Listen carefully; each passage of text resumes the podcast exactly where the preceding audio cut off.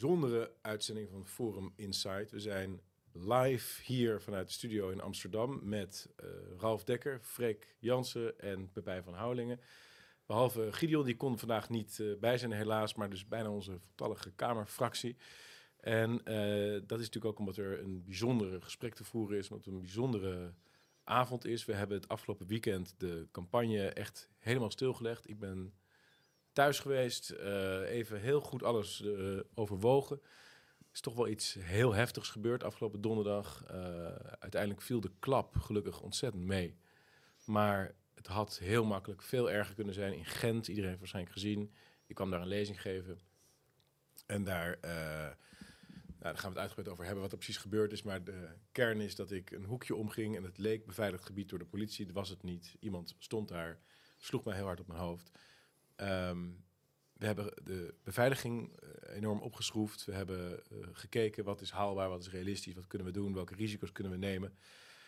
En we hebben vandaag eigenlijk besloten dat we de campagne weer hervatten. Dus we hebben even alles stilgelegd, gekeken, maar we hebben nu, nu uh, we denken dat we het onder controle hebben. Het is natuurlijk altijd fingers crossed en nou ja, je weet het niet, maar wij denken dat we het echt dat we het aankunnen. We gaan met volle kracht weer verder. Uh, morgenochtend gaan we ook weer naar diverse plekken toe. Uh, ik ga ook weer naar media optredens. We gaan gewoon alles doen, want het is te belangrijk om uh, ja, je te laten intimideren door zoiets. Dat kan gewoon niet. We moeten juist nu laten zien dat het woord sterker is, dat onze ideeën sterker zijn dan intimidatie en geweld. Maar er is wel heel veel over te zeggen. En schokkend is natuurlijk ook dat de, de dader, vrijwel direct meteen weer werd vrijgelaten. Hè, uh, daarmee geef je natuurlijk wel een signaal. Diverse media kwamen ook met een verhaal van... Ja, het, uh, hij moet niet piepen. En wie kaatst kan de bal verwachten. En een beetje die teneur. En ja, dat, dat was natuurlijk allemaal erg teleurstellend. Dat, dat doet denken aan eerdere gebeurtenissen met fortuinen, een taart. Ja, wat is nou een taart? Dat werd toen ook allemaal gezegd. Nou ja, dat, dat is natuurlijk van een andere orde. Maar ik ben heel blij dat we hier zitten, jongens. Welkom. Uh, we gaan een gesprek voeren over wat er gebeurd is, over onze campagne, over wat er op het spel staat, over hoe belangrijk het is om te gaan stemmen. 22 november is echt een beslissende dag voor ons land. Echt beslissende mm. dag. Uh, mensen moeten gaan stemmen. Ik spreek zo regelmatig mensen die dan zeggen: Ik steun jullie in alles. Maar heeft het nog wel zin om te gaan stemmen? En het antwoord is natuurlijk ja, het heeft altijd zin. Mensen moeten dat echt gaan doen. Maar uh, ik vind dat we ook wel een glaasje wijn hebben verdiend. Wat jij, Ralf? Nou ja, ik heb geaarzeld, want in eerste instantie dacht ik... misschien moeten we gewoon een kop koffie drinken. Maar ja, dat, is toch, ja, dat past toch niet bij deze, bij deze uitzending. Dus ik you dacht, deserve it in victory, you need it in defeat. nou ja, precies. Ik heb wel iets, iets raars meegenomen, want ik heb deze gekregen van uh, Sandra de Rijke. En dat is een, een ja, ik moet telkens zoeken tegenwoordig naar wijnen die niet puur Chardonnay zijn. Want dat hebben we een beetje afgesproken. Ja, ik, ben wel, ik ben wel een beetje onthand. Maar dit, is, dit kwam eigenlijk oh. als geroepen. Want dit is een wijn die een combinatie is van Chardonnay, Viognier. Um, wat zit er nog meer? Grenache. En ik begreep dat de wijnmaker... die uh, laat in zijn wijngaard voortdurend barokmuziek klinken. Oh, dus die, die, die, die druiven die... Dus dat zou ja, de morgenzon... De trillingen hebben effect daarop. Zuid-Afrika, Stellenbosch. Bekend. Bekend. Ja, dus ik, ik ben heel benieuwd. Ik uh, heb geen mening hierover, maar ik vond het wel een, uh, wel een passende. Een Had je maar geprobeerd? Een beetje complex. Ja, kijk, dat is de morgenzon. Hm. Fijn, hè? DMZ.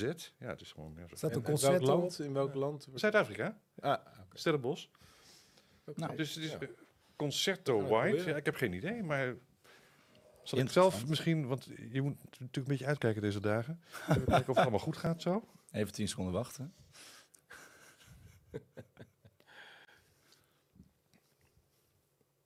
Het is inderdaad anders. Maar niet slecht. En volgens mij is die veilig. We gaan het bekijken. Ja, de pijn. Ja. Freek. Het is wel gezellig om hier te zijn met elkaar. Ik vind het heel ja. leuk. Er zijn heel veel kijkers. Uh, jullie kunnen ook commentaar leveren onder de livestream. Dat zullen we dan, uh, dan meekijken. Uh, Wat vond je, Thierry, van de reactie? Ik was in de kamer. Ik toen... hoor alleen dat het geluid erg zacht staat. Dat schijnt zo. Ik zie commentaar. Is dat zo? Is daar een probleem mee eventueel? Of... Nee, de regie zegt dat het allemaal goed gaat. Oké. Okay. dan... Ja, we zijn live natuurlijk, hè? Dat is toch Ja, wel heel anders. kijk- Dat is even wennen, want Cheers ook nog de mensen die thuis kijken. Ontzettend bedankt voor alle steun. Dat wil ik echt uitspreken. We hebben zo ontzettend veel bemoedigende berichten ontvangen. Ja, en ook alle politici. Alle, zelfs linkse politici. Nee, ik werd heel vaak aangesproken. Zelfs Hugo de Jonge. gebeurde. Ja. dat vond ik heel, heel, Heel netjes. Heel goed. Maar wat mij opviel was dus alle eh ambtsdragers en zo, de gezagsdragers, die hebben allemaal keurig gereageerd, voor zover ik kan zien. Dat is allemaal, allemaal helemaal netjes. Ja. Maar ik zag in de kranten en in de, in de columns en, en ook op, op social media, ook van, van mensen met een behoorlijke following, zou ik maar zeggen, dus niet zomaar de eerste de beste, zag ik toch heel veel berichten die, ja, of een beetje bagatelliserend, van nou ja, je moet tegen een tikje moet je kunnen of zoiets. Eh, of zelfs een beetje grappenmakend. Hè? De, de buil van Minerva. Vond ik zelf een aardige woordspeling, maar toch niet passend. gezien. Niet passend in die, in die setting. En ik dacht, ja, eh, mensen realiseren zich niet hoe, hoe principieel het verschil is tussen iemand uitmaken voor weet ik wat. Ja. En er gewoon eh, opslaan. Hè? Want het was gewoon een aanslag. Een fysieke aanslag. En dat is toch eh, weliswaar met een paraplu, maar wel een verzwaarde volgens mij. Want die knal vond ik echt eh, behoorlijk hard. Maar los daarvan, eh, als hij een, een- ja, een van de knuppel had gehad, was het gewoon afgelopen geweest. Ja. Dit gaat echt heel ver, hè? Dus ik zat voor de tv, ik denk, of voor de, wat was dat? Ik zat op Twitter geloof ik. Dat is die, was, eh, de Winter, hè? Die heel snel die tweet uitstuurde. Philip Winter? Philip de Winter, Oké, ja. ik heb niet... Nee. Dus ik zat daar echt. En het gaat je even, slaat je even koud om het hart. Want het is, dit is wat anders dan dat je toegeschreeuwd wordt of dat je iets eh, op, op Twitter over je heen krijgt of zo. Dus ik dacht, ja, mensen die realiseren zich misschien niet eens zozeer als ze op Twitter reageren. Van, ja, ja, een tikje moet kunnen. Ik denk dat hier echt een grens over gegaan werd. ja. Tuurlijk. En Ja, en, en, ja. en je zegt een tikje moet kunnen, maar stel dat dit bijvoorbeeld Kaag was overkomen. Ja. Ja, dan hadden we Nee, het land te ja. klein. Nee, maar ja, toch? ja, ja, ja, zonder meer. Dan had zij Ja. 20 bonuszetels gekregen al bij voorbaat. eh. Nee, maar het is principieel zo ongelooflijk wezenlijk dit. Dat je, want je bent natuurlijk fysiek heel kwetsbaar. Ik bedoel, iedereen is fysiek kwetsbaar. Eh, en maar dat- het is wat, ja. wat, wat Pepijn zegt, even over, over elkaar is wel serieus. Dus Ja, die, dat die, is- die fakkelman, hè, Mhm. natuurlijk ook eh, onacceptabel en, en bizar. En, maar die heeft op geen enkele manier geweld gebruikt. Die stond daar, eh, rare man, verward, stond daar een beetje te staan. Die wilde een gesprek aan. Maar die heeft acht maanden cel gekregen. Acht maanden? Acht maanden. Acht maanden. En deze man, ja, hij, Oh. maar Forrest erbij, acht maanden. En, en deze man was na een paar uur weer vrij. Ik vind het wel moeilijk te vergelijken, want als dit in Nederland was gebeurd, was het misschien anders geweest. Ik weet niet hoe het Belgische rechtssysteem is is, hoe de politie daar is. Dat zou Ehm, kunnen. Ik vind het heel moeilijk te vergelijken. Maar het, Maar ik snap, dat het is wel heel voor het brede publiek denk ik niet dat dat, dat onderscheid super belangrijk is. Nee, maar wel voor de- Algemene nieuwsconsument die, die ziet van je, je slaat Baudet op zijn hoofd en je bent een paar uur later weer vrij. En die, die maakt niet die af. Dus voor het algemene klimaat dat in Nederland nu ontstaat, ja, ik denk dat het, eh, maar niet alleen voor mijzelf, maar voor eh anderen ook gewoon mensen die tegen de gevestigde orde in durven gaan, die worden zo gedehumaniseerd. Ja. En als dan het signaal is van, nou ja, oké, een klapje op je kop. eh, eh, ik zag Sander Schimmelpenning eh, een, een, een uiterst onverkwikkelijk eh, stuk schreef van ja, vergeet niet, eh, Baudet kan dit nu aangrijpen om eh, zielig te doen, maar hij is natuurlijk helemaal niet slachtoffer. Hij is de dader, hij is de agressor. Weet je, dat soort Oh ja? taal. Ja. Fascistische videocolumn, ja. ja. En eh, ik zag ook nog andere stukken. Ik zag dat mensen ja, er zo schamper over deden. Maar dat, dat, is, dat maakt het niet veiliger in dit land. En ik vind dat toch wel heel erg dat, ehm, ja, dat, dat zo ver is gekomen. Dat we nog steeds onwelgevallige meningen criminaliseren, dehumaniseren, demoniseren, wegdrukken uit het debat. Waardoor ja, toch dit soort gedrag binnen de mogelijkheidsgrenzen gaat behoren. Maar hoe ging dit nou? opmerkelijk. Hoe ging dit nou? Want ik zag dat filmpje. Zag Nou, wat gebeurde? aankomen Heel simpel. Dus eh, er was ontzettend veel politie. Ik denk dat er wel twintig politiemensen of zo voor dat gebouw stonden. Ja. En eh, er was een hele straat afgezet. Dus je kon niet... Maar meerdere straten. Ja, hele meerdere straten. Maar ook de, dus echt daadwerkelijk de ingang. Ja. Dus je kon niet... Het hele gebied was afgezet. En je, je moest dan helemaal zo. En dan moest je fouilleren, dit, Maar dat. is wat met jouw lezing? ja. Maar Ja. fouilleren deden ze niet. Die spullen laten zien. Je moest eh, laten zien dat je niks bij je had. Ja. Oké. Dat is natuurlijk, ja... Je weet niet verder gecontroleerd daarop. Oké, maar het was, de straat was helemaal afgezet. Ja, het stond helemaal Ja. vol met politie. En eh, dan loop je zo en dan daar, hier is dan de ingang en dan hier is een muur zo. Dat zie je ook, dat ik dan het hoekje omloop.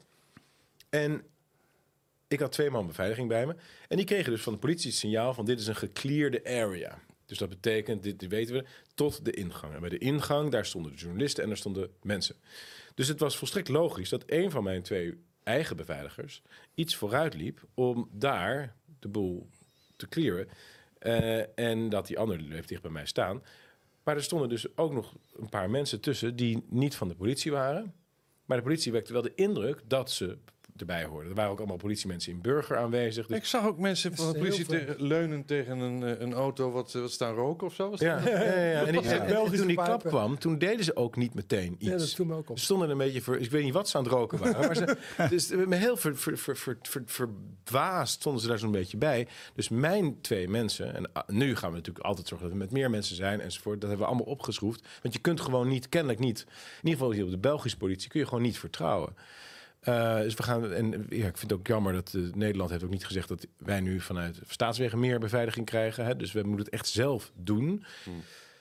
Eh, maar. ehm, En, en de- je zou zijn af, dat is ook iets wat op sociale media je zag dat er een schil was, dat, dat misschien iemand jou probeerde af te leiden. Ja, Ja, dat is zo. Dus ik werd afgeleid. Dus we liepen zo het hoekje om. En toen gebeurde daar weer alles. Mensen zaten een beetje zo mijn aandacht te trekken. En dus ik keek weg. En toen kwam het. Die vent stond een beetje een raar mistje.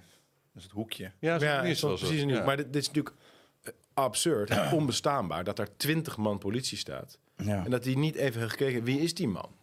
Is Heel raar. Heel raar. En is er nou een, een soort onderzoek gelast? Of eh, waar is die paraplu gebleven? Was die verzwaard? Ja, Eh, niemand Gaat weet de. Belgische justitie daar wat mee doen? Dat, Ik heb, aan, ik heb natuurlijk aangifte gedaan. Ik heb ook Ja. gezegd dat ik niet aangifte wil doen. Alleen maar van geweldpleging. Maar ook van poging tot doodslag. Ja. Dat was het in mijn ogen. Volgens mij ook, ja. Als het eh, toch, het had ook net op mijn slaap kunnen komen, dan was het, Mm. was het echt een heel ander verhaal geweest. Of het had in mijn oog kunnen komen, dan was ik een eeuwig blind geweest. Dus het is, ik ben er eigenlijk eh, ik ben er heel goed van afgekomen. Hè. Ik heb twee dagen of zo eh, echt wel hoofdpijn, dizzy, misselijk, dat soort. Maar het is ook eh, terrorisme. maar Het is ook nog eens echt terrorisme. terrorisme. Het is een klassiek voorbeeld van terrorisme.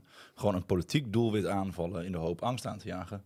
Om zo iemand uit het, uit het politieke, Ja, het politieke spectrum te doel. duwen. Ja. Want hebben we ook geen idee waar dat vandaan komt? Want het is natuurlijk, het was een Oekraïner, hè, geloof ik. Hij riep iets in Oekraïne. ja. Kijk, die man die sprak niet eens Nederlands. Het, het, het, het slaat nergens op. Dus het lijkt mij aannemelijk dat zo iemand door een lokale Antifa-actiegroep. Ik ben natuurlijk nu, dit is speculatie, ik weet het niet. Ik weet niks. Maar wat ik denk dat logisch is, is dat zo iemand heeft wat een dakloze 500 euro gekregen of zo.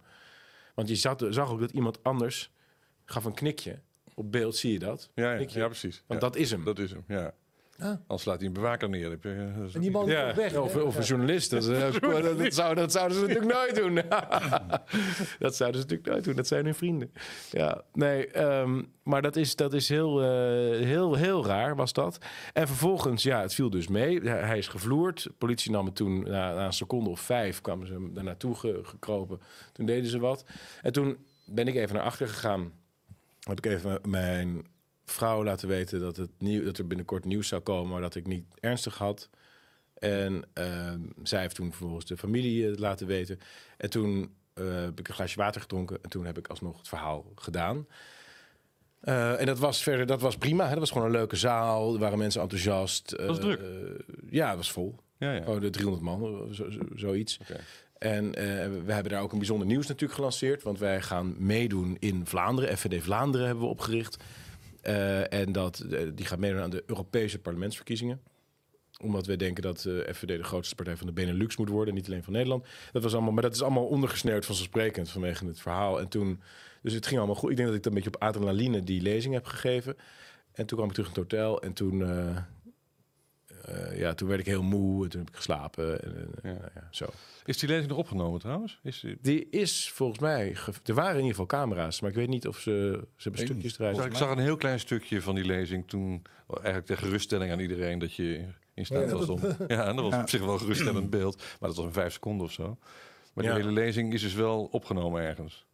Volgens mij niet. Nee? Ja. Ik weet niet Dat, zeker. dat kunnen we vragen.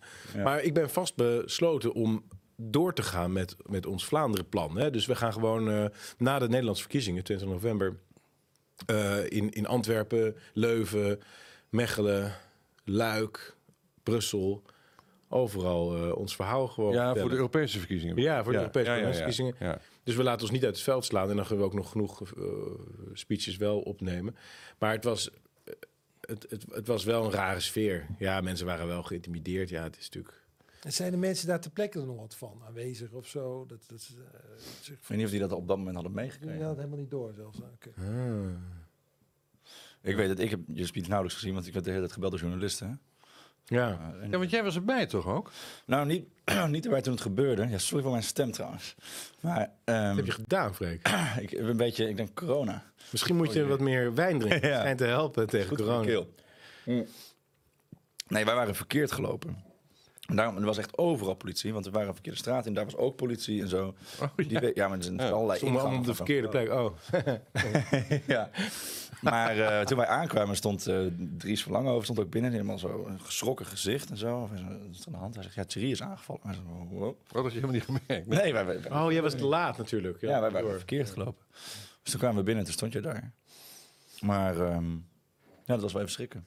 Dat was wel... eh, Hey, maar heeft dit niks te maken met die beroemde eh, hitlist die de Oekraïnse geheime dienst zou hebben van mensen die... Ja. eh, Ja, kijk. ik lees allerlei gekke dingen, maar ik heb geen idee. Het is waar dat ik op die lijst sta, al, al een paar jaar trouwens. En dat, dat ook diverse hooggeplaatste mensen uit het Oekraïnse regime hebben gezegd dat, eh, dat er mensen opgeruimd zouden gaan worden. En, en dat soort rare oorlogstaal wordt wel gebezigd. Maar ik, kijk, ik heb niet erg hoge pet op van het Oekraïnse regime. Maar dat ze, Nou, ik denk dat, ik denk toch wel dat ze het dan Nou. iets eh, professioneler zouden aanpakken. ja, oké, maar doe je daar niet te luchtig over? Want ik, ik, wat ik zelf dan vind, je, Ja, je kan, staat dus op het die- kan. Je staat op die lijst. En wat ik wel heel kwalijk vind, is dus dat Rutte vandaag had hij weer een, een, een, een belgesprek met Zelensky.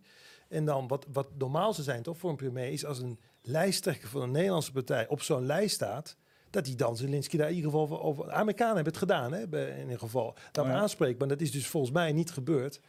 Zou daar Ja, ja dus, dus er is een Oekraïnse Echt misschien heel- dat iedereen dat Ja. weet, maar er is een Oekraïnse lijst met vijanden van Oekraïne Ja. of zo. En daar, daar staan allerlei mensen op. Hè. Was nou laatst ook weer een hoog high pro. Was Tucker Carlson daar niet opgezet? Oké, ja, dat weet Ook, ik even. Maar in ik, ieder geval, ja. Amerikaans stond erop en is het afgehaald naar druk vanuit Amerika. Oh ja, dat ik ook De gelezen. Amerikanen doen het wel, hè? Dus Ja, ja. Ja nou, Rutte- dat zou Rutte-. Ja, weet je wat het erg is is? Ik ben het natuurlijk helemaal met je eens, maar ik ben bijna zo cynisch geworden. Ik denk van ja, laat, maar dat gaan ze toch nooit doen. Want ze zijn, kijk, Rutte wil dat Stel baantje dat bij de Kaag op die NAVO. lijst had gestaan. Was die, wat, je, je, je, je, Ja, maar goed, Kaag staat natuurlijk niet op die lijst. Nee, maar het is wel heel, dat moet wel benoemen, vind ik. Het is Ja, je, heel, je, je heel hebt kwalijk. 100% gelijk. Heel kwalijk. Je hebt 100% gelijk. Ja. Eh, het, het laat maar weer eens zien op welke, eh, wa- wat, de prioriteiten zijn van het kartel in Nederland. Wat de, wa- waar de loyaliteit eigenlijk ligt. Hè. Ze zeggen gewoon, Rutte wil ook naar de NAVO, heeft hij aangegeven. We hebben natuurlijk al heel lang ook gezegd dat hij daarmee bezig was. Dat verklaart ook waarom hij niet wilde praten over de mogelijkheid dat de Amerikanen de Nord Stream Ja. pijplijn zouden kunnen hebben opgeblazen. Dat hij daar zo raar over deed. Onze oorlog. Onze oorlog. Dat, is toch, dat was al een rare uitspraak, maar in het licht hiervan is het helemaal merkwaardig. Nou, in dit licht hiervan is het logisch. Ja, Maar het staatsrechtelijk natuurlijk heel. Als wij een functionerende media hadden gehad, dan zouden mensen hierover gaan praten. ja. Hè, dan zou dit eh, bij op één of in een krant zou mensen zeggen van, hé, maar wacht, hoe lang speelt dit al? Hoe lang is Rutte al bezig om bij de NAVO te gaan? Ja. Was dat ook al toen? Is, en, en, en dan zouden ook de media gaan praten over die hitlist. Ja. En dat is waar, hè? Dus, maar dat is heel goed dat je dit zegt, Ja, want het, je merkt dus dat je ehm, het bijna gewoon gaat vinden dat de regering normaal. niet voor je opkomt. Nou ja, maar Zijn- los, los van die hitlist, ik vind ook eh, een normale gang van zaken zou in mijn ogen zijn dat je als eh, Nederlandse regering contact opneemt met de Belgische of de Vlaamse en zegt: God, we hebben het al uitgezocht, hoe zit dat? Eh, gewoon om, om te, te begrijpen hoe het kan dat een Nederlands politicus wordt aangevallen in, Mhm. in België. Dat is toch logisch? Ja. Dus ja, dus ik vind dat als dat nog niet het geval is, ik, kan me haast niet voorstellen dat het niet het geval is, maar als dat niet het geval is, moeten daar gewoon vragen over gesteld worden, Ja. lijkt mij. Zullen we daar morgen eens eventjes mondelinge vragen voor aanvragen? Ja, dat lijkt me heel goed. Met Ja. de Ja, minister van Buitenlandse Zaken, Ja. eh, CQ-minister-president. Maar dat kan niet. De kamer is dicht. Ja, maar dan schriftelijk kan eh, sowieso. Schriftelijk wel. De kamer is dicht. De kamer Ja. is weer met reces. Ja, Het is weer reces. Het is weer... Nee, morgen is er helemaal geen kamer. er is morgen geen kamer. Ik zit zo in het ritme, ik heb er meer aan gedacht. Nee. Nou, we kunnen wel schriftelijke vragen stellen. Dat duurt alleen zes weken voordat die beantwoord zijn. Dat is dan Nou ja, dat, is, dat hoeft ook niet zo vreemd Ja. Maar je, je wil wel dat daar vervolg aan gegeven wordt, toch? Bedoel, dat is toch te gek voor woorden dat dit verder eh, in het niets verdwijnt, dit hele verhaal. Dat kan ben ik helemaal niet? mee eens. Ja. Ja, heeft Rutte daar met Zelensky over gesproken? Zo nee, waarom niet? Ga, is hij verplan? Nou ja, Zelensky, Ah, in eerste instantie zou ik zeggen... En is er contact opgenomen met de Oh. Belgische regering, met het Belgische Openbaar Ministerie? Ja, eh. Nee, beide. Ik zou zeggen beide. Ja. Allebei. Ja. En ik vind eigenlijk ook over de NAVO dat we dat... Kijk, hij zal natuurlijk ontkennen. Dat Ja. is het probleem. En daar heb je dan media voor nodig om te gaan peuren en, en met de klokkenluiders te gaan praten. En precies dat doen ze natuurlijk weer niet. Want zij willen helemaal niet uitzoeken hoe de macht van de NAVO doorwerkt in Nederland. En voor zover ze dat wel geloven dat het zo is, eh, juichen ze toe waarschijnlijk. Want eh, Amerika is een force for good. Punt. En daar denken we verder niet over na, toch? Dat is... En dan gaan we weer straks, eh, als dat NAVO-gebeuren echt gaat lopen... eh, want het kan ook een hoax zijn, hè? Dat, dat eigenlijk helemaal niet Afleiding ja, want wat Ja, heeft ik hij nou echt dat hij- gezegd? Hij heeft gezegd dat die, dat die, dat die Die voor beschikbaar open staat. Ja, maar dan Ja. word je het juist niet, hè? Wie, toch? Zo, dat is wel... Nee, maar wat, het wat ik Dat wil zeggen was... aanleiding van een vraag. Er is, er is altijd dan een soort, dan ontstaat er een soort, eh, soort fanbase. En dan gaat er in Nederland, eh, van, hopen we heel erg dat het een Nederlander wordt, want die gaat strijden tegen een Fransman, weet je wel, zo. En dan krijg je zo'n enorme opge... Terwijl ik denk telkens van, volgens mij heb- wordt Nederland er helemaal niets wijzer van. Nee, dat als een, het als een Nederlander voor. Nederland. Totaal niet, nee. Maar dat is met alles zo. Toen Lubbers na zijn premierschap eh, bij de Europese Commissie wilde... toen heeft hij de Nederlandse gulden voor te weinig geld, te goedkoop Nou ja, verkocht precies. de euro. Dat- Dus wat er gebeurd is, zij hebben een troef, een, een aantal speelkaarten... en ze zetten als troef in hoezeer zij het nationale belang bereid zijn te verkwansen... Ja, ondergeschikt zo, maken. in ruil Ja, voor hun ja, ja. eigen baantjes. Zo ja, werkt het. Die indruk maakt dat op zijn minst, ja. Dat, dat vind ik ook. Oh, meer dan de indruk, hoor, denk ik. Maar oké. Ja, je kunt het nooit bewijzen Nee, natuurlijk. dat is maar, waar, maar... Ja. En dat er dan zo'n soort nationaal eh, gezelschapsspel van gemaakt wordt. Van zou die het halen? Dat was bij, bij Frans Timmermans er ook. ja? Dan heeft hij ah, net niet de hoofdprijs, maar toch een tweede prijs. Weet je wel? Dat was in de tijd eh, toen Van der Leyen daar eh, Ja, voorzitter ja, ja, werd. zeker. dat soort dingen. En dan is heel Nederland, ook al, ook al willen ze niet het beleid van Timmermans, toch trots hè, dat onze jongen. Ja, ja, precies. Toch onze jongen. dat dacht ik ook. Ja, ja, zo gaat Nederland ten onder aan dit soort. Het is echt vreselijk. Maar er is ook iets wat we kunnen doen aan dat ten onder gaan. En dat is op 22 november stemmen. En eh, een van de dingen waar jij eh, vandaag voor hebt ingespannen, ik heb een filmpje gezien, Ja. maar we eigenlijk allemaal, dat is mensen oproepen, ga ook echt stemmen. En eh, dat moeten we toch even adresseren, want Heel belangrijk. Het, er is, het volgende is ons te oren gekomen. Er schijnen diverse AIVD-actoren actief te zijn in een groot aantal Telegram-groepen, waar mensen wordt wijsgemaakt dat er fraude wordt gepleegd met stemmen. Dat het niet zinvol is om te stemmen. Of dat je soeverein kan worden en dan hoef je geen belasting meer te betalen en hoef je geen parkeerbonnen te betalen, maar dan, mag je ook niet meer stemmen. En als je gaat stemmen, dan zullen ze dat traceren dat je hebt gestemd, wat helemaal niet kan. Uh, maar dan wordt alsnog met terugwerkende kracht jouw soevereiniteit ondermijnd. Dat zijn beide, zijn dat false flags. Dat zijn onwaarheden en die worden gericht ge- doorgespeeld aan groepen mensen die het huidige systeem wantrouwen, die het kartel wantrouwen, die het beleid wantrouwen. En wat ze willen is dat mensen ontmoedigd worden om te gaan stemmen. En dat is echt iets dat speelt onder onze achterban. En die mensen worden opgejaagd door actoren die daar bewust mee bezig zijn. Die worden opgefokt. Vertrouw het niet, dat soort verhalen allemaal. Zijn dat zoals jouw AIVD-actoren? Ja. Dat gaat wel heel ver misschien, niet? Nou, het is bekend dat, dat dat is naar buiten gekomen een paar maanden geleden dat bijvoorbeeld de oude BVD artikel heeft laten plaatsen hè, in de NRC. Dat is nu het publieke domein. Dus er zijn connecties in ieder geval tussen de, de media en uh, Oké. inlichtingendiensten. Ja, nou. Of het zo ver gaat. ja. Ja, ik zeg een beetje weinig omdat mijn stem het nauwelijks toelaat. Ik denk dus dat de vrouwelijke achterban dit ontzettend sexy vindt. we, hebben ook heel veel, we zien dat er heel veel vrouwelijke kijkers zijn. eh. Meer dan normaal. Ja, meer dan normaal. Meer dan normaal. Nog meer dan normaal. Ja. Ehm, ja, ik, ik, ik vermoed dat dit gewoon waar is. Ehm, het is heel gunstig om die kiezersgroep thuis te laten blijven. Dus juist die kritische kiezersgroep ehm, in de war te brengen met allemaal dit soort complottheorieën. Ja. Ja, het, is, het is helemaal niet eh, implausibel of zo, maar het is, als je dat zegt, moet je het ook wel hard kunnen maken. De, de. Volt-stemmers komen wel. De D66-stemmers komen ook. De GroenLinks-stemmers komen ook. Maar precies de mensen die tegen het systeem zijn... die zijn ze aan het wijsmaken dat het geen zin heeft om te stemmen. Ja. Ja, en, en, en ook dat. eh, eh, de- dat, dat ze als ze meedoen met stemmen, dat, dat het dan hun eer te na is. Dus wat heel erg gebeurt, is dat al die trollen in die Telegram groepen en op Twitter en zo. Ik zie het, want ik heb dus als, je een, als ik een tweet plaats, dan heb ik meteen allemaal van die Ja, ja. Twitter-accounts met, met zes eh, eerdere tweets. Die zijn dan opgericht in 2018 bijvoorbeeld. Je, heel on- onwaarschijnlijk dat je maar zes tweets doet. En dan drie over Mickey Mouse.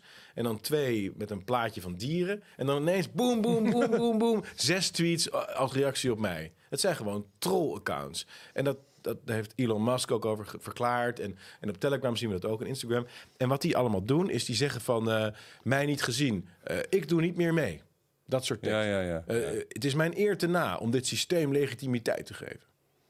Ik ben wel FVD, maar ik ga niet stemmen. Dat soort teksten. Dat zijn geen FVD-leden. Dat is gewoon niet zo. Dit zijn trollen die gericht onze achterban aan het twijfelen willen brengen. En onze mensen moeten dat doorzien. Nee, dat Het is in het Het is belang van het echt systeem heel om- moeilijk om op grote schaal systematisch te frauderen in Nederland. Dat is bijna niet te doen. Maar wat wel heel eenvoudig is, is gewoon een hele grote kiezersgroep overtuigen niet te gaan stemmen. Ja, Ja. ja. Dat is zoveel makkelijker om voor elkaar te krijgen. Ja. Zo- En daar worden wij juist door getroffen. En je kunt denken van, nou, ik ben klaar met het systeem, maar het systeem is niet klaar met jou. Hè. Dus je, je kunt je daar niet aan- aan onttrekken. Dus het is heel belangrijk om te gaan stemmen. En, en nog iets, hè? Want, want heel vaak heb je in die laatste paar dagen voor de verkiezingen een soort eh, race to the top. Dan krijg je twee of drie partijen van wie wordt de grootste. Ja. En dan gaan mensen strategisch stemmen. En dan stemmen ze bijvoorbeeld op een partij die eigenlijk niet... Bijvoorbeeld stemmen ze VVD. Ze willen eigenlijk FVD stemmen, stemmen van VVD. Want anders krijgen we Timmermans. Ja. Maar dat is zo'n verkeerde redenering. Want je stemt ehm, niet alleen bij, bij... Dus ten eerste, als je VVD stemt op Timmermans... Het maakt allemaal niet uit. Nauwelijks verschil. Dat- Bovendien gaan ze gewoon samen ze gaan toch samen regeren, het boeit allemaal niet. maar je stemt niet alleen voor het vormen van een regering. Je stemt ook op een partij, in ons geval FVD, om het geluid van die partij zo duidelijk mogelijk naar voren te brengen. Als, als, als je ons groter maakt, iedere zetel die we meer hebben, betekent gewoon vijf debatten per week meer.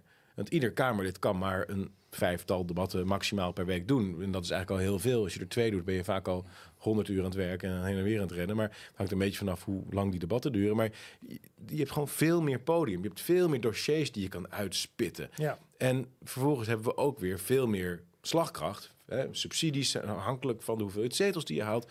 Om onze school Ja. uit te breiden. Om events te organiseren. Forum Outside, wat we twee weken geleden hebben georganiseerd. Dat hadden we nooit kunnen organiseren als we niet kamerzetels hadden. Dus al die dingen die we doen, zijn daarvan afhankelijk. En dat is ook echt een hele goede reden om op FVD te Wij stemmen. zijn de enige partij die de, die de WO heeft eh, tegengehouden. Het WEF dat, hebben we weg exposed. ontmaskerd. We zijn de enige partij die die, COVID-waanzin heeft, eh, heeft eh, Oekraïne, vrede. vrede De enige die CBDC exposed. Dat gebeurt er allemaal niet als wij er niet zouden zijn. Dus LGBTQI plus op scholen. Als Ja. wij dat niet hadden geagendeerd, had niemand in Nederland over gehad. Dat kinderen vanaf 11 jaar hormoontherapie mogen nemen en permanent onvruchtbaar kunnen worden. Dus dat is zo belangrijk dat mensen gaan stemmen. Dat, dat moeten we blijven zeggen, denk ik. Ja, daar En- ben ik wel met je eens. Ja. Dat is waar. En ik was gisteren, als ik dat even nog zeggen mag, was ik dus bij een bijeenkomst. was een geweldige bijeenkomst van een organisatie, een vrijwilligersorganisatie. Die gaan dus, eh, die hebben als motto zeg maar, eh, vertrouwen is goed, maar controle is beter. Die gaan dus bij zoveel mogelijk stemlokalen met vrijwilligers staan na negen uur s avonds om dus het stemproces te controleren. Nou, dat is heel goed, hè? Dat waarborg je de integriteit van het stemproces. Ik vertrouw het sowieso, maar daarvoor kun je nog extra vertrouwen. En dat gaan ze doen en daar kan iedereen zich voor aanmelden als waarnemer. En ik, ik denk dat dat heel goed is. Dus ik roep ook iedereen op om dat te doen. Eh, en dat kan je doen op www.controle verkiezingen.nl en dan kun je eh, je aanmelden als waarnemer. En dan kun je zelf zien hoe de stemmen geteld worden in stembureau. Ik heb het ook wel eens gedaan en dat is, dat is heel nuttig.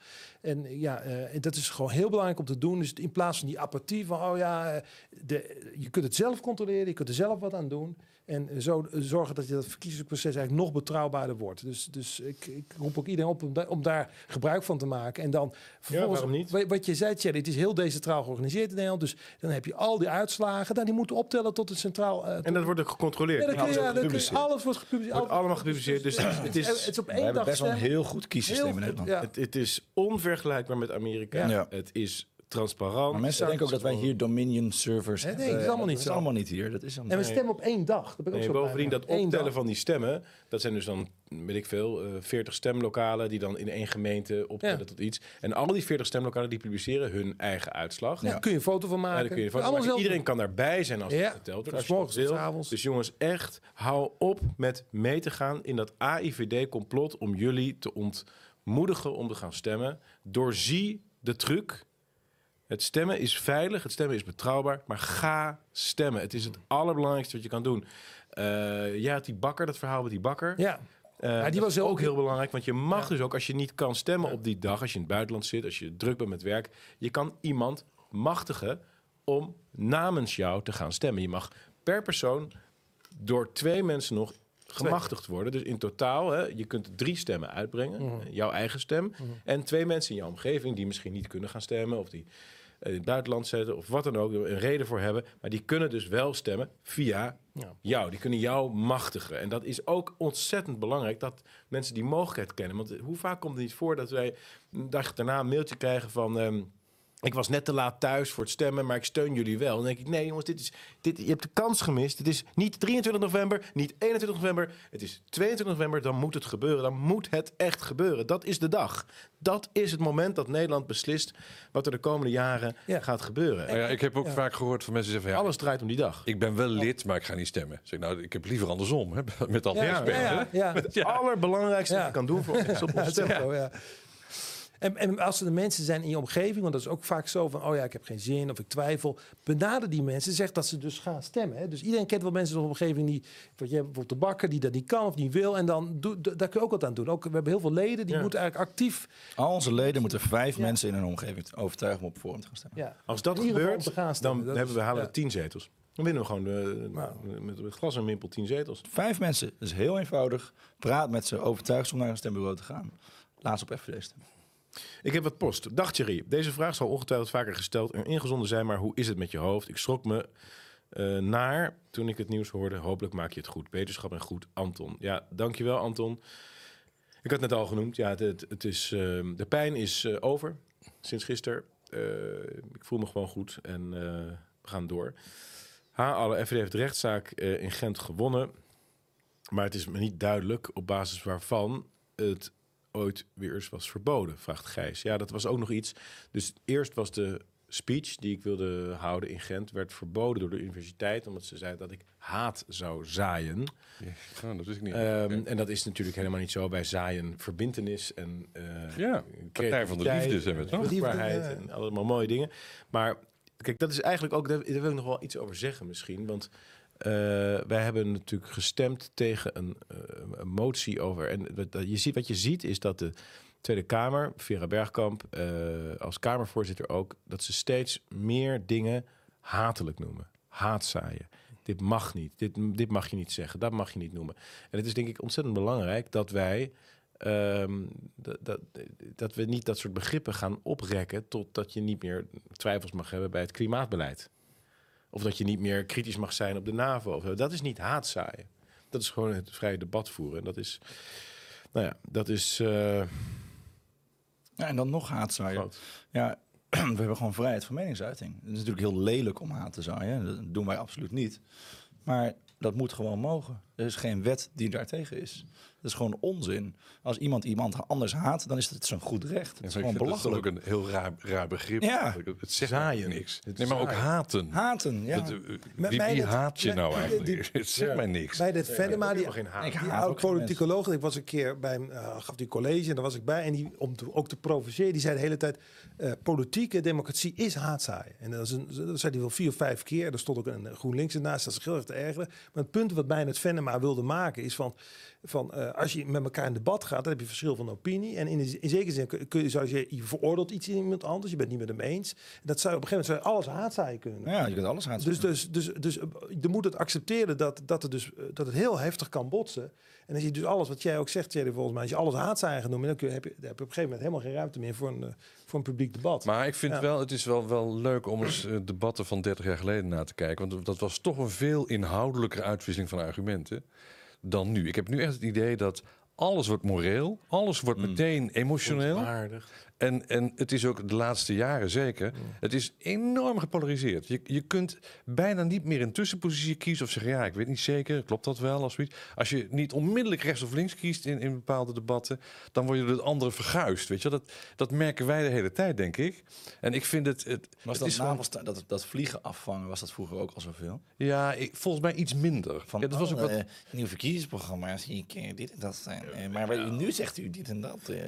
Ik ben- vinden zichzelf zo slim en vinden Ja, zichzelf nee, maar Maar dat was ook derde nerds. Nou, dat was ook derde Nee, als je- als je- me vreselijk. Als je van Acht en Wiegel in die tijd, dat is misschien wat langer geleden, maar dan had je toch wat meer inhoudelijke debatten, wat meer het verschil tussen Ja, de maar, Partij maar van als de ik heel, Arbeid heel en veel mag, eh, mag CDA eh, maar. Remy Aarts, dat is dan een hoogleraar eh, politieke geschiedenis, die heeft wel eens oude campagneposes, bijvoorbeeld in, in te bellen met elkaar. En dat, als je, die schrik je dood wat je daar ziet. Hè. Dat, dat is veel, eigenlijk veel agressiever. Ja, oké, nee, maar het punt, nee, maar ja, oké. We dat- leven toch nu in het interbellum? Nee. Wanneer was het?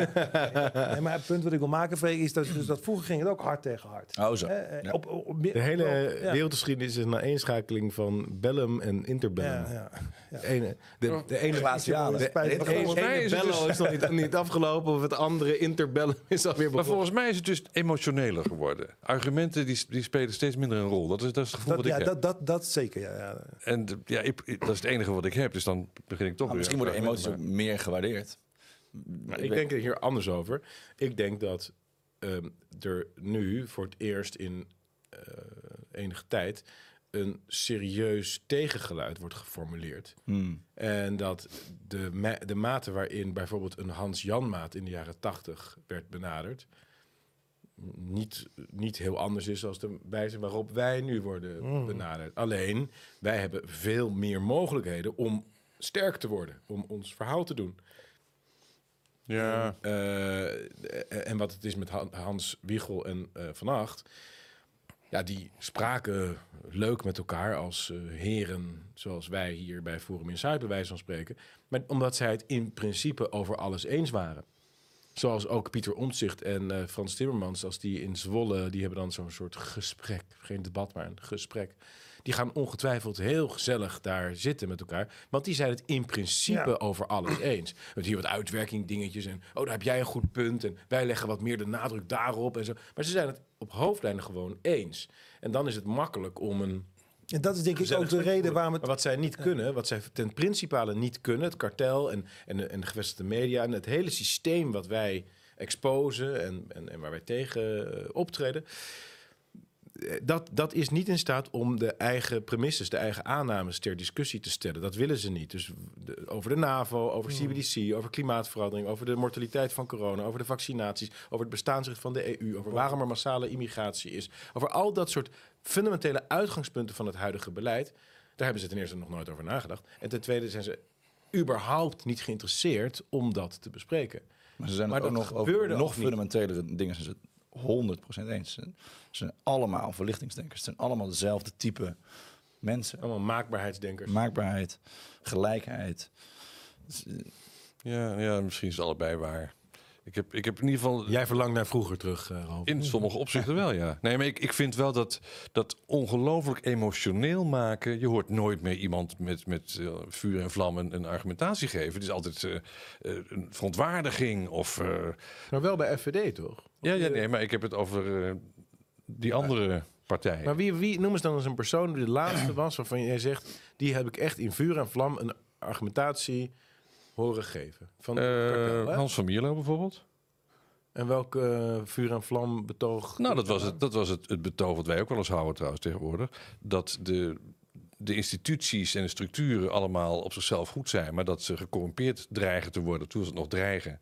Eh, doordat de, de zuiverheid van, eh, van eh, het toepassen van democratie eh, is verdwenen. En we daardoor eh, met z'n allen de biedbrug opgaan. Dus dan heb je het we over moeten- 1967. Nee, we begin de jaren zeventig.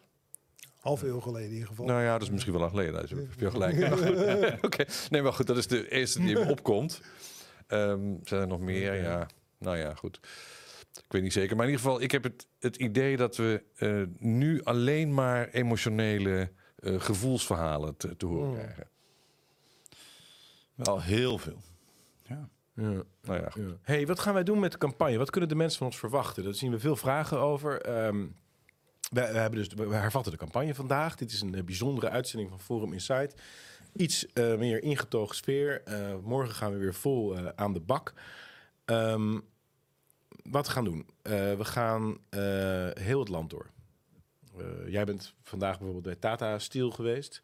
Misschien ook wel interessant om even de FVD-positie ten aanzien van Tata Steel te vertellen. Want we hebben daar ook, ook daar weer een volstrekt unieke positie in. Dat- Ja. Dat willen we heel graag van je horen zo. Maar we gaan allemaal het land in. We hebben allemaal thema's die we graag voor het voetlicht willen brengen. We gaan ook zoveel mogelijk media-optredens doen. We hebben besloten dat we gewoon alles aanpakken. Ehm, ik denk dat mensen heel erg veel van ons gaan zien. En ik verwacht ook echt dat we een geweldig resultaat kunnen bereiken. Want ons verhaal is... Er zijn zoveel mensen in Nederland die lijden onder het huidige beleid. En Tata Steel is daar ook een goed voorbeeld van. Ja, Tata Steel is dus een van de laatste eh, echt grote maakindustrieën in Nederland. Weliswaar overgenomen door de Indiaaiers, maar het staat nog steeds eh, in Nederland. En het is een grote werkgever. En het is eigenlijk de beste staalfabriek ter wereld. De oude hoogovens, hè? Het oude hoogovens, daar wordt echt topstaal gemaakt. Nou, dat is een gigantisch groot, hè? Een, een terrein van 700 hectare daar eh, aan de Eimond. eh, met allemaal fabrieken. En een van de dingen die me opviel was dat de filters en de, de installaties om te zorgen dat het allemaal zo min mogelijk vervuilend is, die zijn qua omvang nog groter dan die fabrieken zelf. Hè? Dat is al opvallend. Eh, dus als je daar rondgereden wordt, dan zie je hoe ontzettend veel daar gedaan wordt. En die fabriek is ook in, in staalfabriekenwereld is dat de, de meest schone in de zin van CO2-uitstoot ter wereld. Hè. Eh, in, in de zin van, van uitstoot van andere stoffen misschien niet, dat weet ik niet helemaal zeker. Maar het is dus echt een fabriek die goed scoort. En als je merkt, de vergunningverlening voor allerlei dingen die op dat terrein gebeuren, eh, die ligt bij de provincie. Nou, ik zit in de Provinciale Staten, dus daarom heb ik er vaak mee te maken. En de sfeer in de hele Provinciale Staten is dan toch... eh, ja, die mensen proberen natuurlijk onder alle vergunningen uit te komen... of onder alle, alle regels uit te komen. Dus we moeten steeds strenger. En de, hele sfeer is, eh, die luisteren niet te vertrouwen. We moeten eh, streng controleren, meer mensen erop. En op een gegeven moment heb ik in zo'n Provinciale Statenvergadering gezegd van... Er is een soort hype tegen, tegen Tata gaande... Eh, het is een van de beste staalfabrieken ter wereld. Het is eh, ook een hele schone fabriek. Ze hebben allerlei plannen om het, eh, om het nog beter te maken en nog beter te voldoen aan de, aan de regels enzovoort. En ze worden hier weggezet als een, als een stelletje potentiële bedriegers. Hè. Zo, zo is de sfeer. Zelfs van de VVD, die gaat er toch gewoon mee met de lawaaimakers van Partij van de Dieren en GroenLinks. Nou, ik vind het wel. Dus dan, en dan vertel je zo'n verhaal ehm, met dus een totaal andere invalshoek. We zijn dan de enigen die dat zo zeggen. Ehm, of zelfs de PVV die zei van ja, bij ons is ook gezondheid op één. En Ja. dan, ja, gezondheid op één. Uitstoot nul, weet je wel. Dus, Wat nou, hè? En er wordt er net gedaan, dus er ligt een RIVM-rapport... en daar is dan uit gebleken dat eh, de levensverwachting in de Rijnmond... is twee maanden lager dan de gemiddelde levensverwachting in Nederland. Twee maanden is gewoon ruis, hè? Statistisch ruis. Ja. Dat Dat kun je statistisch hebben bewijzen.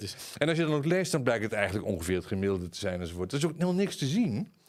Eh, maar dan zitten ze te meten en de zeer zorgwekkende stoffen en allemaal dingen. En natuurlijk moet je, je moet erop blijven letten en er zijn belangrijke eh, trajecten gaande.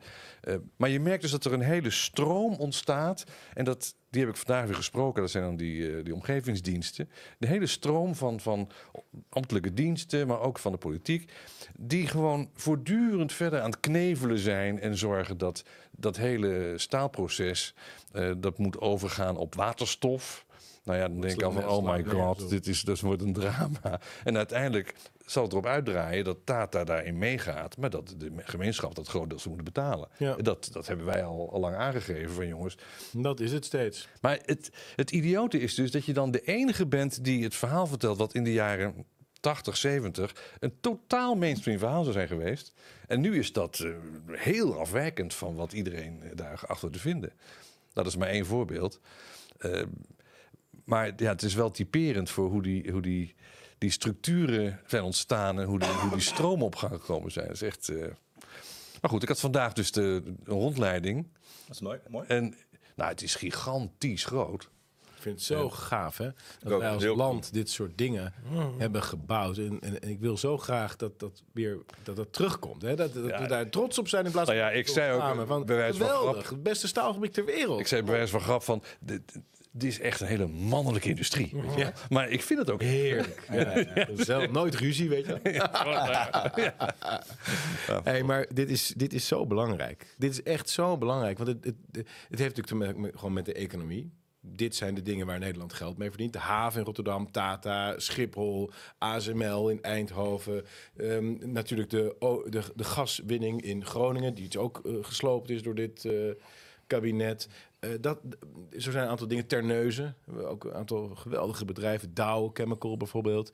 Ehm, al dat soort zaken. Wordt allemaal gesloopt. Boem, boem, boem, boem, boem. Uiteindelijk willen ze gewoon deindustrialisatie. Ja, Dat is het, hè? Dat is het einde. Dat is Maar het. het is, maar het is op, dus ja. zowel een economisch iets, dat is deindustrialisatie, als een psychologisch iets. Ja. Waarbij onze helden nu is, Pietje is homo en wordt gepest. Ja. In plaats van eh, de, schat, de, de schateiland, eh, de scheepsjongens van Bonte Koe. Eh, g- gewoon de, de Co- Columbus, weet ik veel allemaal. Dat soort verhalen. En dus er groeit een generatie op. Er komt een, nieuw, een nieuwe, nieuwe mens. Ze proberen ze te maken. Het gaat natuurlijk weer mislukken. Want al dit soort dingen van hen allemaal mislukken. Maar waar- die geen economie meer heeft en geen helden meer heeft. Nou, het is een doodscultus. Het Is is dat zo uiteindelijk, heftig? ja, dat denk ik wel. Dus uiteindelijk al het leven groeit en overwoekert. Al het succesvolle leven, elke boom vreet omgeving op, elke struik overwoekert alles. En zo is het ook met menselijk leven. Ja, wij, wij hakken bomen om en we maken er huizen van. En we houden hele stukken steen weg uit bergen. We maken er de mooiste badkamers van. En dat doen wij. wij. Wij overheersen alles wat over, om ons heen is. En dat is een normaal levensproces. En de dood is krimp. Het is, het is kleiner worden. Het is niet meer out there zijn. En dat is wat ze met ons willen. Ze willen sterven. Ze willen uiteindelijk het, orga- het is een maatschappelijk organisme wat zichzelf aan het uithongeren is. Gewoon uiteindelijk gewoon in een soort krimp terechtkomt. Ransoneringsdenken. In zijn hol om Ja. te sterven. Een muis die terugkeert in zijn hol om te sterven. Ja, nou ja, dat, dat is allemaal wel heel esoterisch. Maar wat ik bijvoorbeeld wat mij opviel bij, bij dat verhaal in IJmuiden en in, eh, in Wijk aan Zee. ehm, ik zei tegen die mensen, ja, maar je kunt toch niet ontkennen dat de uitstoot en de vervuiling enzovoort de laatste 50 jaar gigantisch is afgenomen. Hè? Dat is toch gaat voortdurend naar beneden. Ja, nee, dat was natuurlijk zo. Eh, maar het aantal klachten gaat voortdurend omhoog. Ja, dat was ook zo. Eh, Ja, maar dan is het dus gewoon een, gevoelszaak. Mensen zijn veel gevoeliger geworden. Ja, nee, dat, dat is ook wel zo. En als je met ze over praat, ja, in, in Wijk aan Zee wonen misschien 30 mensen die bij Tata werken. En de rest heeft met Tata helemaal niks te maken. En vroeger was het natuurlijk zo dat eh, die fabriek werd niet voor niks midden in de stad gebouwd. Want die stad die werd eigenlijk om de fabriek heen gebouwd. Hè? Ja, mensen ja, die hadden dat is een binding mee. En dat is nu helemaal losgelaten. Dus de, die, die omgeving heeft verder qua verbinding steeds minder met zo'n industrie. Daarom is het ook zo'n zo'n zo makkelijk om die bewoners te, te raadplegen. Van, hè, in het kader van de participatie is het dan. eh, van, wilt u hier die Ja, ja, houden ja, of niet? nou nee, liever dat hij weggaat. Oh, nou, dat, maar dat eh, komt ook omdat mensen dan helemaal niet denken aan eh, het geld of de financiële Nee. consequenties. Het, is, het is allemaal, geld is gewoon, ja, er moet toch een basisinkomen komen. Weet je wel, dat Geld is komt van de overheid. Uiteindelijk, de, geld komt van de overheid, ja. Dan moeten ze maar wat meer geld gewoon eh, drukken, wat meer uitdelen. ja, dat is bijzonder, hè? Hey jongens, ik merk dat de sfeer goed is. Ik merk dat we er zin in hebben. Ralf, je gaat het land in. Pepijn, Gideon trouwens ook, heb ik ook nog gesproken. Die gaat ook vol kracht en energie het land in.